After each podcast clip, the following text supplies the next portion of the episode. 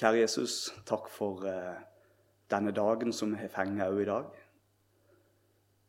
Takk for at du har møtt dere med nåde òg i dag. Takk for at du i dag òg sier, som vi ble møtt med i åpningsordet, kom, la oss gå i rette med hverandre. Om deres synder er som purpur, skal de bli som den hvite snø. Takk, Jesus, for at du er sånn. Takk for at du er nådig, barmhjertig og rik på langmodighet. Så ser du vi som er samla her nå, Jesus. Du ser hva vi trenger til. Du ser òg hva som ligger på meg, Jesus. Jeg har lyst til å be om at du må gi meg å tale som ditt ord. Tale sant og rett om deg. Og La det bli til formaning, oppmuntring og trøst for meg sjøl og for alle som skal lytte til. Vi ber om at du må få gjøre din gjerning med ordet ditt i formiddag.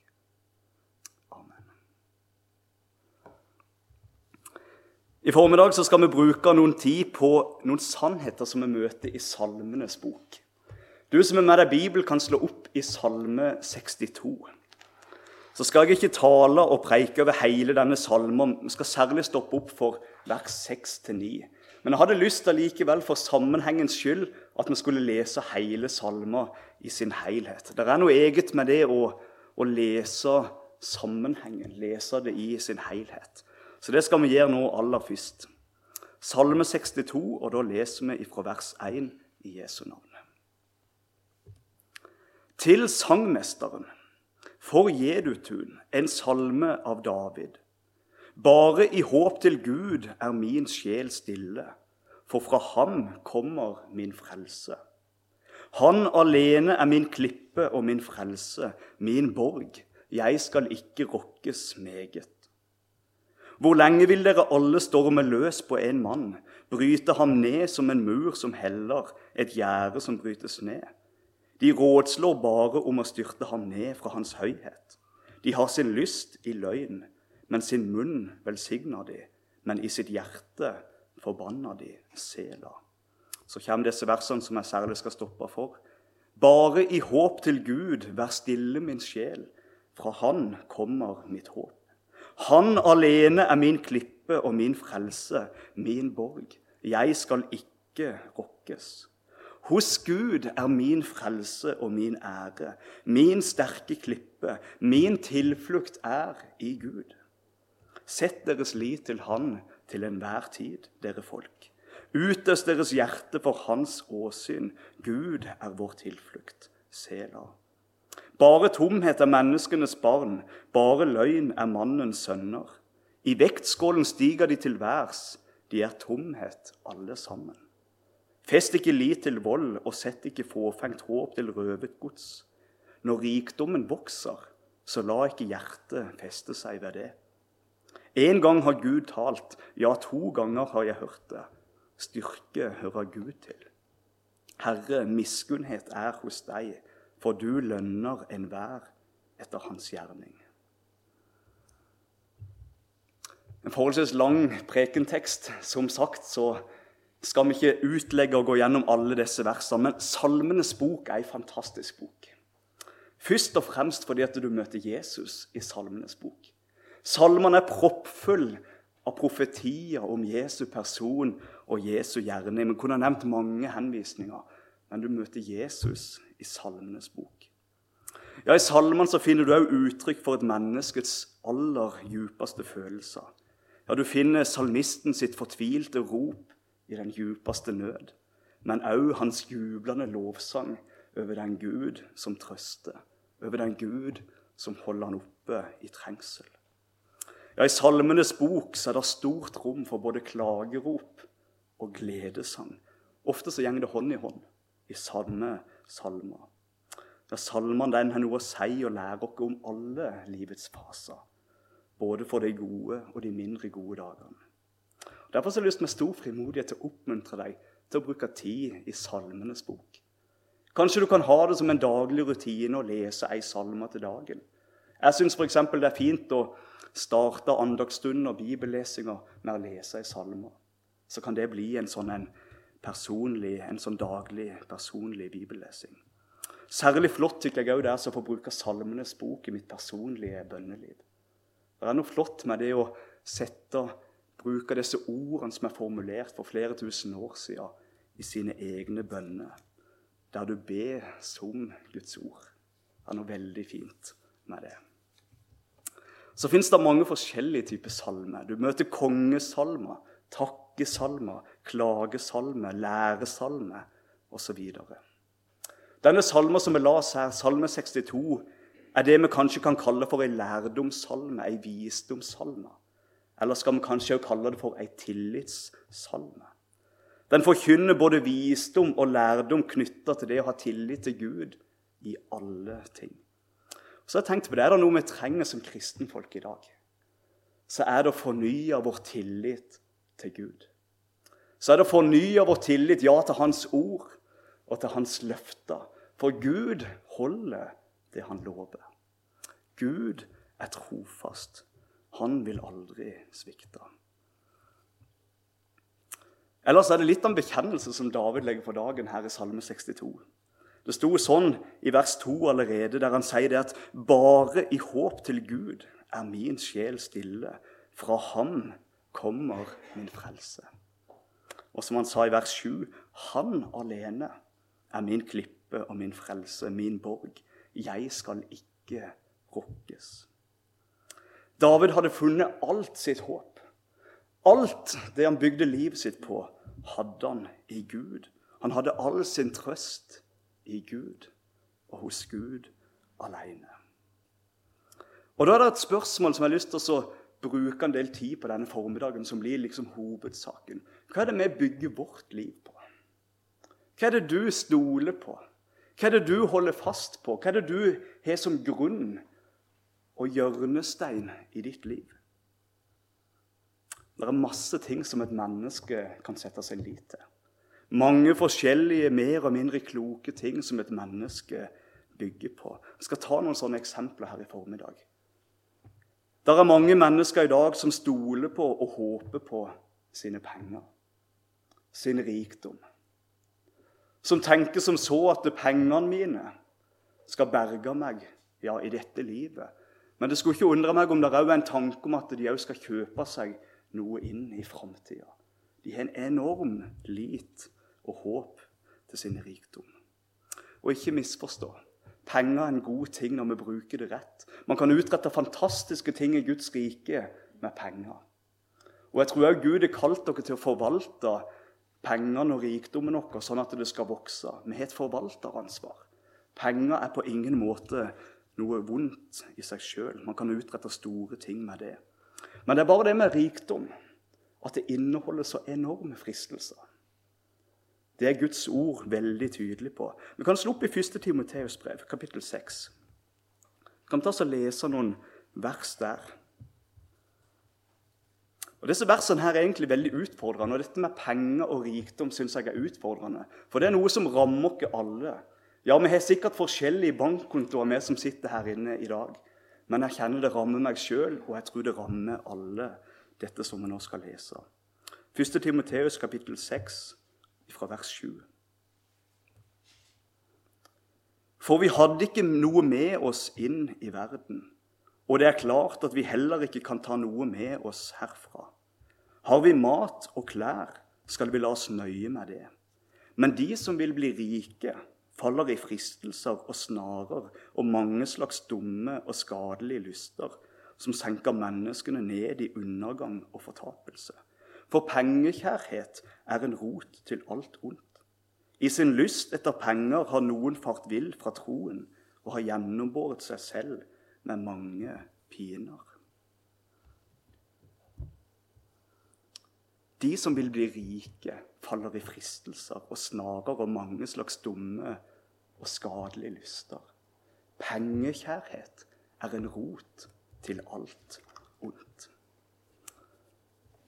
Ja, penger og rikdom er ikke farlig og skadelig i seg sjøl, men det ligger en fristelse i det. Jeg har en ganske ordinær jobb som møbelsnekker. Jeg tjener helt greit.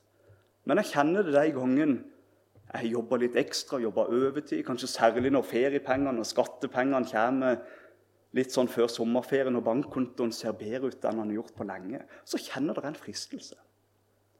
Jeg kjenner det godt å se på kontoen. Og så kan det være noe i det som på en måte drar meg til å skulle øke den enda mer. Jeg må bare være så ærlig og si at jeg kan kjenne på det. denne fristelsen. Og Dette sto der òg noe om i salmer som vi las, i Salme 62, vers 11. Så står det det at fest ikke lit til vold, sett ikke fåfengt håp til røvet gods. Når rikdommen vokser, så la ikke hjertet feste seg ved det. Hjertet har en lei tendens til å feste seg, sette sin lit til den jordiske og forgjengelige rikdom. Den viktigste lærdommen når det gjelder penger og rikdom, er uansett det at ja, de er kjekke å ha. Du kan komme langt i denne verden med det, men det hjelper deg ingenting i møte med evigheten. Penger og jordisk rikdom er forgjengelig alt sammen. Du kommer ikke langt med penger i møte med døden og i møte med evigheten. Når det gjelder frelse og de evige rikdommer, vet du, da brukes det en helt annen valuta. Da er det helt andre vilkår som gjelder. I apostelgjerningen kapittel 8 så leser du om en trollmann med navn Simon. Vet du, Han prøvde å kjøpe Guds gave for penger. Skal du høre hvordan det gikk med han? Det står i apostelgjerningen 8 fra vers 18 at da trollmannen Simon så at ånden ble gitt ved apostlenes håndspåleggelse, kom han til dem med penger og sa, Gi også meg denne makt, at den jeg legger hendene mine på, må få Den hellige ånd. Men Peter sa til han, måtte ditt sølv forfølge deg til fortapelsen, fordi du tenkte å kjøpe Guds gave for penger. Nei, frelsen og de evige verdiene kan ikke kjøpes for jordisk gods. Der brukes det en helt annen valuta. Der er alt snudd på hodet. I Guds rike, og når det er snakk om de evige verdier, så står det sånn som det står i Jesaja 50, 55, vers 1. Nå vel, alle som tørster, kom til vannet. Dere som ingen penger har, kom, kjøp og et. Ja, kom, kjøp uten penger og uten betaling vin og melk. Du som ingen penger har, kom. Kom og kjøp. Kom og et. Kom. Alt er gratis. Guds nåde er gratis. Vet du, Guds nåde den blir faktisk bare gitt til den som tar imot for intet. De som prøver å kjøpe Guds nåde, om er ved hjelp av sine penger, sine gjerninger, sin fromhet, møter ei stengt dør. Du får bare Guds nåde for intet. Men ikke sånn å forstå at nåden var gratis og billig for Jesus.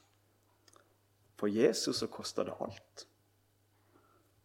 Første Peters brev sier at dere vet at det ikke var med forgjengelige ting, med sølv eller gull dere ble kjøpt fri fra den dårlige ferd som var arvet fra fedrene, men med Kristi dyrebare blod, som blodet av et feilfritt og lyteløst lam. Min frelse kosta Jesus alt. Kosta hans liv alt.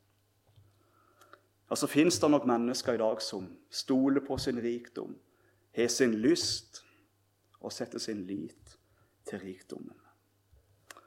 Må ikke vi være blant dem? Må vi heller være blant de som samler skatter i himmelen? Uforgjengelige og evige skatter i himmelen som holder òg i møte med evigheten. Videre så finner vi mennesker som stoler på og håper på sine mer eller mindre gode gjerninger. Kanskje kan vi òg ta med de som sier som så at 'jeg er i alle fall litt bedre enn naboen'. For ikke preke om presten eller predikanten som bor borte i hogget her, som har en stadig krangel med naboen. 'Jeg er i alle fall bedre enn han'. Sånn er det mange mennesker som sier i dag. Og ja, et menneske kan gjøre mange mer eller mindre gode gjerninger.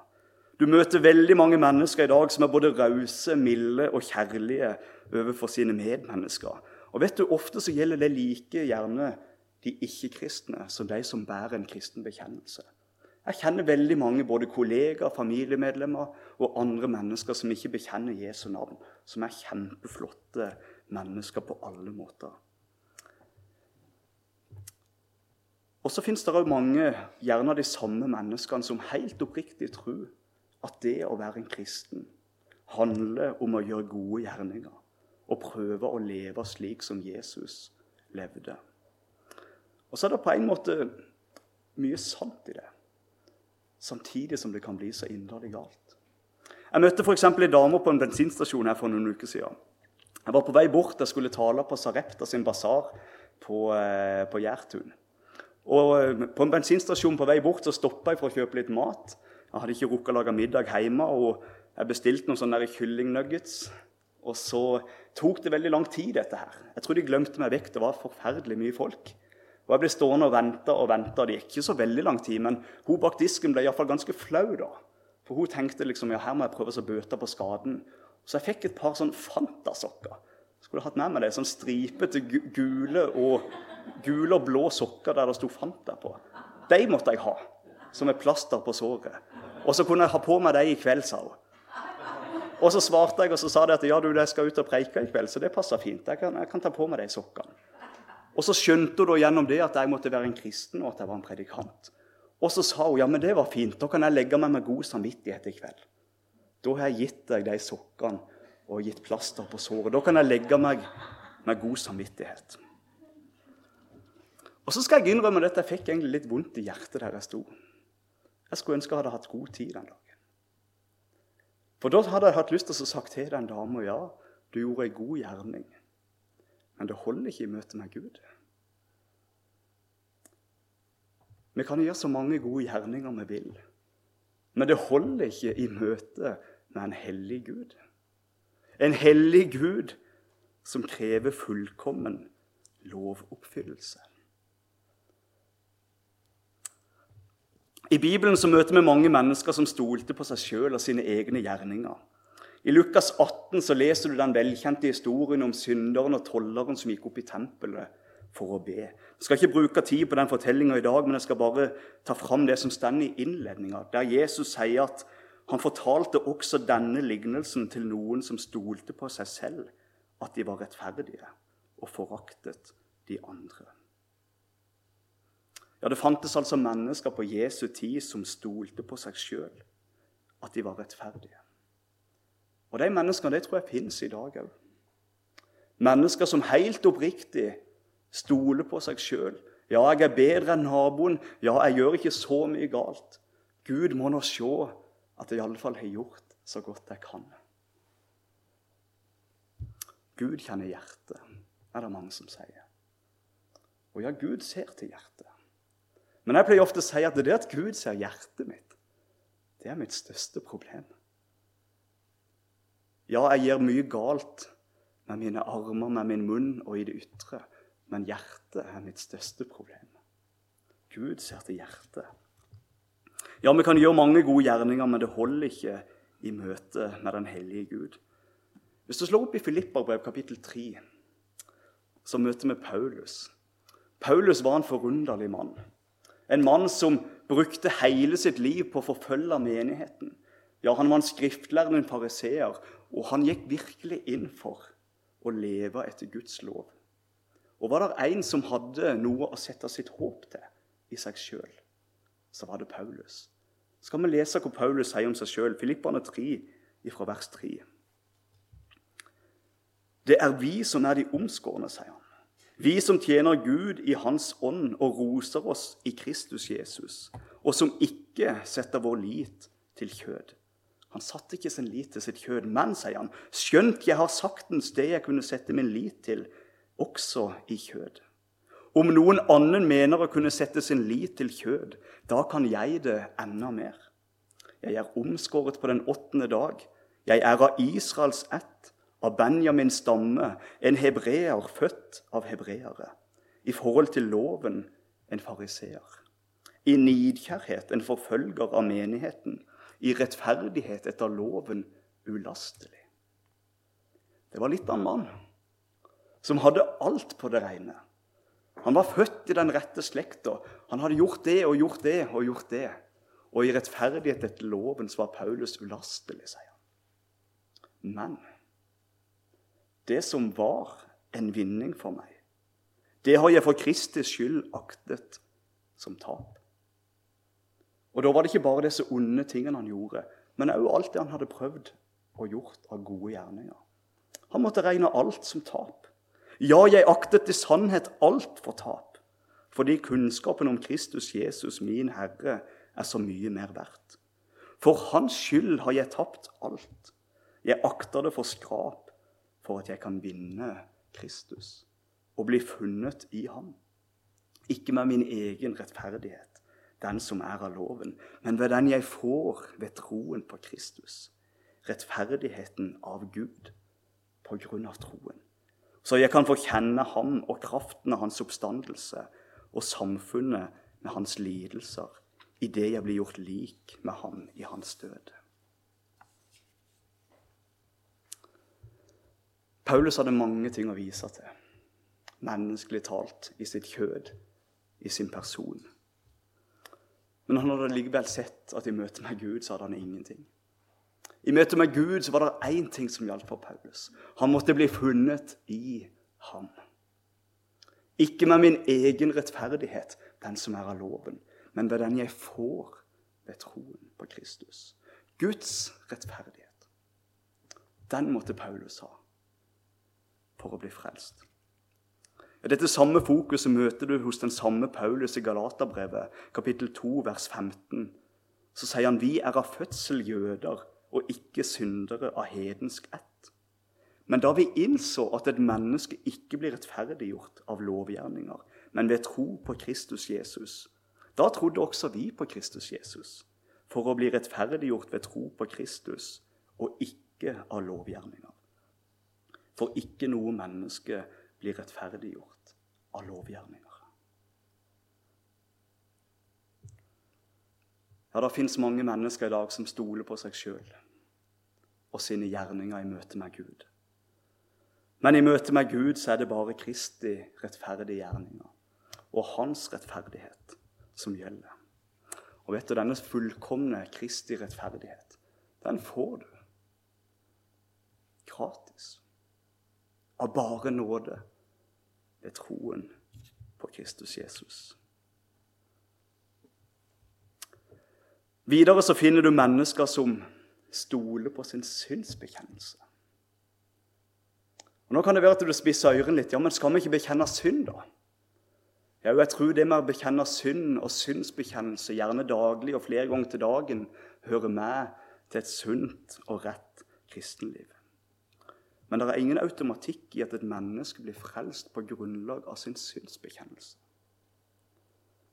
For hvis det var sånn, så må vi stille noen spørsmål. Hvordan kan jeg være trygg på at jeg er bekjent nok?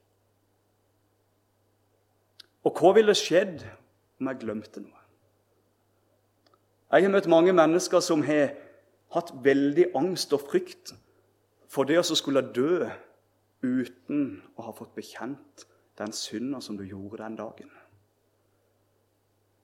Når veit jeg at jeg er bekjent nok? Fariseerne og de skriftlærde de var veldig klar over at de ikke holdt mål i møte med Gud.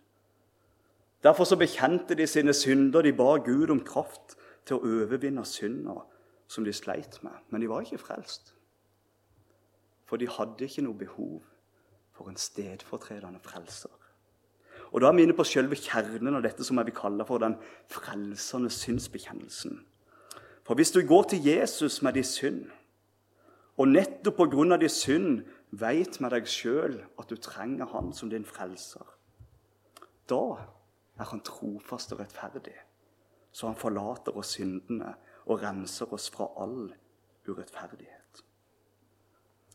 Så ligger altså ikke frelsen i synsbekjennelsen i seg sjøl men i trua på Jesus og på hans verk. Så hører som sagt synsbekjennelse med i et levende kristenliv. Jeg vil si at det lyser rødt i mitt liv hvis jeg slutter å bekjenne synd. Hvis jeg slutter å få problemer med synd i mitt liv. Men det er ikke der jeg har min hvile. Den har jeg i Jesus alene. Du skal slippe å gå i den trelldommen at du, husk, at du hele veien må huske å bekjenne alt det du har gjort galt. Apropos det å bruke Salmenes bok i sitt personlige bønneliv. Nå skal du få ei flott bønn. Salme 19, vers 13, så står det Hvem merker vel alle sine feiltrinn? Tilgi meg hver ubevisst synd. Tilgi meg hver ubevisst synd. Det er ei flott bønn å få lov til å be til Gud. Hvem merker vel alle sine feiltrinn? Ja, jeg vet at jeg gjør mye galt, men sannsynligvis så ser jeg ikke 10% engang. Hvem merker alle sine feiltrinn? Gud, tilgi meg hver ubevisst synd. Så kan jeg få hvile til Han. Til slutt så må vi ta med noen ord om at det òg fins mennesker som stoler på sin tro. Og Nå kan det være du spisser ørene enda mer. For tro er jo livsviktig i et menneskes liv. Uten tro er det umulig å være til behag for Gud, sier Hebreerne 11. Og det er òg med hjertet man tror til rettferdighet, og med munnen man bekjenner til frelse, som Romerne 10 sier. Og vi snakker om det å ha ei frelsende tro, om det å ha ei sterk tro osv. Men jeg har lyst i denne sammenheng til å understreke det at det er ingen som blir frelst av å stole på sin tro. For hva vil det egentlig si å tro? Kunne vi hatt hele dagen. Og hva skal vi tenke der i de periodene der vi opplever at trua svikter? De periodene der det ble så vanskelig å tro. De tidene der det opplevdes som at beina ble slått vekk under oss. Ja, de periodene i livet der det ble så fortalt at du så Ja, men jeg kan jo ikke tro engang. Da får jeg kjempeproblemer hvis jeg stoler på min tro. De periodene der jeg ser at ja, men jeg kan jo ikke tro en gang. Sånn har det vært flere ganger i mitt liv. Kanskje du òg kjenner deg igjen i det. Dette her er store tema, store ting. Men jeg har bare lyst til å si her òg Det handler ikke først og fremst om trua di, men han du tror på. Det er ikke trua i seg sjøl som er det viktige. Men troen er denne barnlige tilliten som et menneske har til Jesus. Det er denne Guds gaven som skapes i og ved evangeliets forkynnelse. Trua er ikke en prestasjon i mitt eget intellekt, men det er en gave som blir gitt av Gud. En tillit til Jesus. Øyvind Andersen har sagt det sånn i boka si 'Livets brød'. Dette tykker jeg er et glimrende sitat som har gitt meg mye trøst. Den som ikke får det til å tro, men likevel, og kanskje nettopp derfor, tar sin tilflukt til Jesus, han tror. Klarte du å få med deg det? Jeg skal lese det en gang til. Den som ikke får det til å tro, men likevel, og kanskje nettopp derfor, tar sin tilflukt til Jesus. Han tror. Noen ganger så tror jeg det kan være godt for oss å gå konkurs på vår tro. Og bli hjelpeløse i oss sjøl. Og der, nettopp i vår hjelpeløshet, få klynge oss fast til Jesus. For da er det ikke trua mi det står og faller på, men det er han. Og han svikter aldri. Han bærer navnet trofast. Jesus, Guds sønn. Og Så kunne vi fortsatt å snakke om mange andre ting som mennesker finner falsk trøst i. Andre religioner, helgener. Noen stoler og håper f.eks. på framtida, at ting skal bli bedre, osv. Jeg skal ikke ta tid til å stoppe med flere ting. Men jeg skal bare avslutte med å gå tilbake igjen til Salme 62, der som jeg starta. For nå har jeg skissert noen sånne falske håp. Noen falske måter å ha tillit på. Men da var det utrolig annerledes med David. Han hadde et fast, sikkert og uforgjengelig håp i Gud. Det sto sånn fra vers 6.: Bare i håp til Gud Vær stille, min sjel, for fra ham kommer mitt håp. Han alene er min klippe og min frelse, min borg. Jeg skal ikke rokkes. Hos Gud er min frelse og min ære, min sterke klippe, min tilflukt er i Gud. David han hadde et håp som var uforgjengelig og evig. Peter skriver i sitt brev Lovet være Gud, vår Herre Jesu Kristi Far, som etter sin store miskunn har gjenfødt oss til et levende håp ved Jesu Kristi oppstandelse fra de døde, til en arv som er uforgjengelig, uflekket og uvisnelig, og som er gjemt for dere i himlene. Et uforgjengelig, fast, sikkert håp som ikke er i meg sjøl, men det er gjemt i himmelen. Jeg kan ikke kludre det til, for det er gjemt hos Gud. Og Det er veldig sterkt, dette som står i, i Salme 62, vers 8. Hos Gud er min frelse og min ære, min sterke klippe, min tilflukt er i Gud. Hvem er det som er hos Gud? Jeg tror dette verset kan leses på flere forskjellige måter. Hos Gud, ja, i Gud er min frelse og min redning. Men hvem er det som er hos Gud? Hebreerne 1, vers 3 forteller om Jesus. At etter at han hadde fullført renselsen for våre synder, så satte han seg ved majestetens høyre hånd. Jesus er hos Gud. Jesus sitter hos Gud ved majestetens høyre hånd. Og vet du, Der åpenbarer han seg for Gud for mi og de skyld i dette øyeblikk. Han er din representant i himmelen, og han alene er din frelse, din ære og din rettferdighet hos Gud. Og Det er fantastisk når David utbryter 'Hos Gud er min frelse'. Hvem er det som er hos Gud? Jo, der er Jesus. Han som er min frelse, min ære og min sterke klippe. Og så kom denne kjærlige formaninga til slutt i vers 9. Sett deres lit til Han til enhver tid, dere folk. Utøs deres hjerte for Han, for Hans åsyn. Gud er vår tilflukt. Gud er vår tilflukt. Og vet du hva Salme 34, 23 sier? Ingen Ingen av dem som tar sin tilflukt til ham, dømmes skyldig. Da blir du berga. Det fins ikke fordømmelse for den som er i Kristus Jesus. Ingen av dem som tar sin tilflukt til ham, dømmes skyldig. Så kan vi få hvile i evangeliet. Vi kan få hvile hos Gud. Han som har gitt dere et trygt, fast og sikkert håp, som er gjemt for dere i himmelen. Og når vi en dag skal reise på denne jord, så gjør det ingenting. For vi har et håp som er fast. Da går det inn i evigheten med glede. Jeg håper du kjenner Jesus.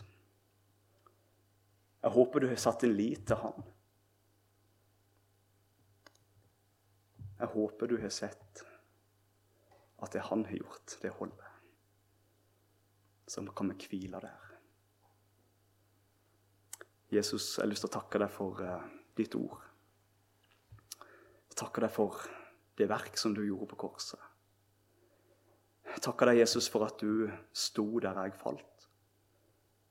Takk for at du fullbyrda frelsen, og du har nå satt deg med høyre side av Faderens hånd.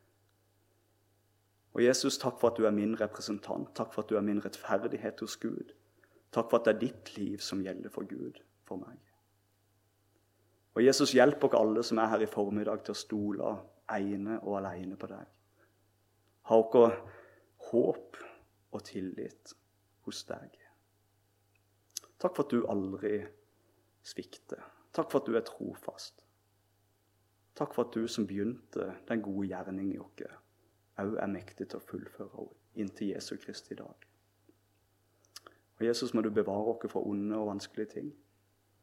Og bevare oss helt hjemme. I Jesu navn.